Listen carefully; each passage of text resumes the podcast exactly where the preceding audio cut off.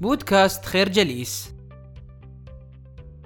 يؤكد الكاتب على أن علاقة الإنسان بالإدارة هي علاقة قديمة ومتجذرة تمتد إلى مرحلة الطفولة. فكل إنسان منا يبدأ حياته بورقة إدارية هي شهادة الميلاد.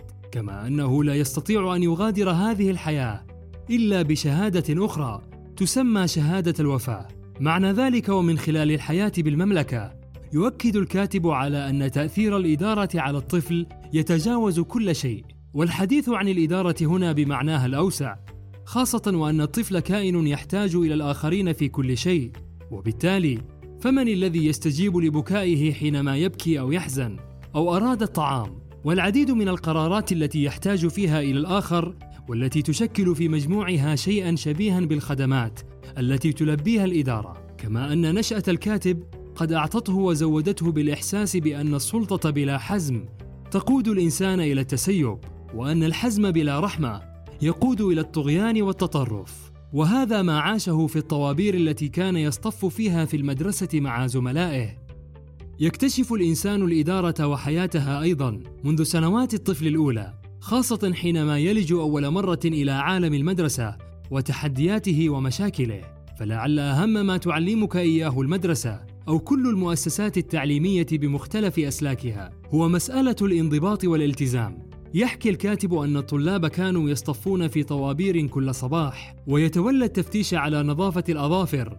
مدرس مختلف كل يوم. من هؤلاء المدرسين من كان تفتيشه شكليا سريعا ومنهم من كان بحثه دقيقا مستقصيا. منهم من كان يكتفي بلفت النظر ومنهم من كان يستخدم مسطرة غليظة تهوي على الأظافر القذرة. وكان من بين المدرسين مدرس لا يكتفي بالنظر إلى الأظافر بل كان يسأل كل واحد هل استحم ذلك الصباح أم لا. إذا أجاب الطفل بالإيجاب نجا من العقاب. وإذا ذكر الحقيقة عوقب. وكان المدرس يصدق من يزعم أنه استحم. ولو كانت كل الشواهد تكذب هذا الزعم. وهذا بحسب الكاتب كان يستهدف التشجيع على النظافة والصدق. إلا أن كل ما فعله هو الإغراء بالكذب. الفكرة علاقة الإنسان بالإدارة تبتدئ منذ مرحلة الطفولة من خلال مبدأ الانضباط. كل مراحل التعليم المختلفة هي عبارة عن أشكال من الحياة الإدارية يتعلم فيها الشخص أشياء تزيد من دافعيته وتربي فيه حس المسؤولية وفن الانضباط وروح العمل والتفاني. لم يفوت الكاتب الفرصة أيضا دون أن يشير إلى علاقة جد متوترة دوما تربط بين الرئيس ومرؤوسيه.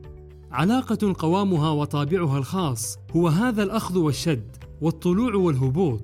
بما يوحي بأن هذه العلاقة كتب لها أن تكون متوترة بشكل أبدي داخل مجتمعاتنا العربية تحديدا. ولعل أهم ما يجلي لنا الطابع الدرامي لهذه العلاقة ذلك النموذج الذي نعرفه جميعا خاصة في أيام دراستنا الأولى.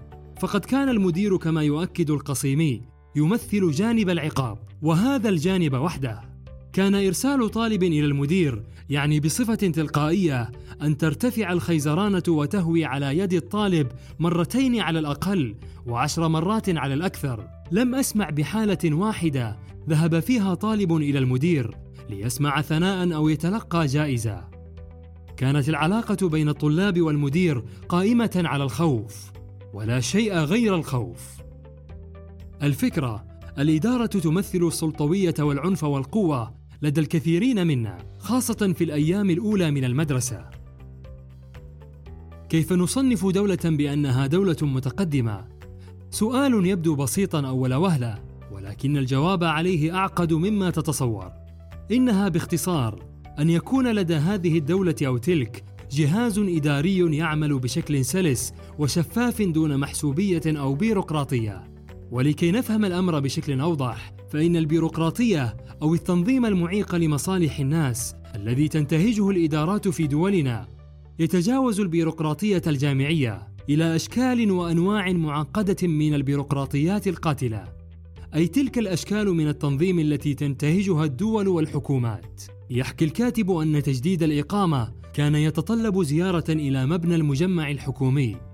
كانت الطوابير لا تنتهي. وأوراق الدمغة لا تنتهي والتوقيعات لا تنتهي.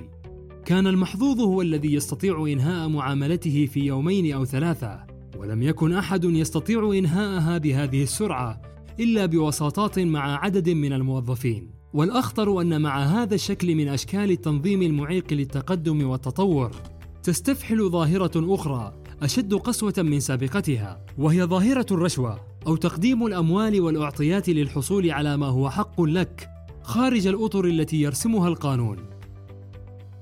الفكرة الريع والبيروقراطية والرشوة أشكال خطرة جدا من فساد الإدارة.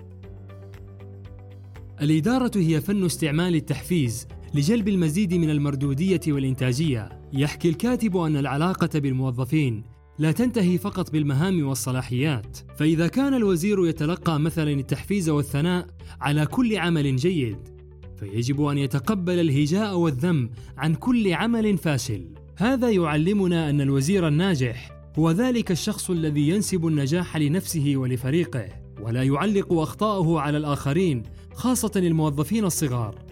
لأن العاملين في الوزارة سيخافون مغبة الخطأ ولا يعملون أي شيء. وهذا منتهى الخطر.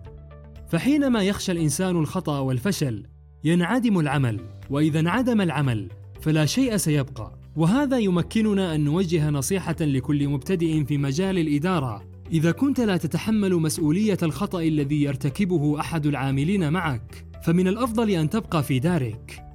الولاء طريق ذو خطين وما أكثر المسؤولين الذين يتوقعون ولاء مساعديهم دون أن يكونوا على استعداد لمقابلة الولاء بالولاء. الإدارة فن والإداري الناجح هو من يتقن هذا الفن.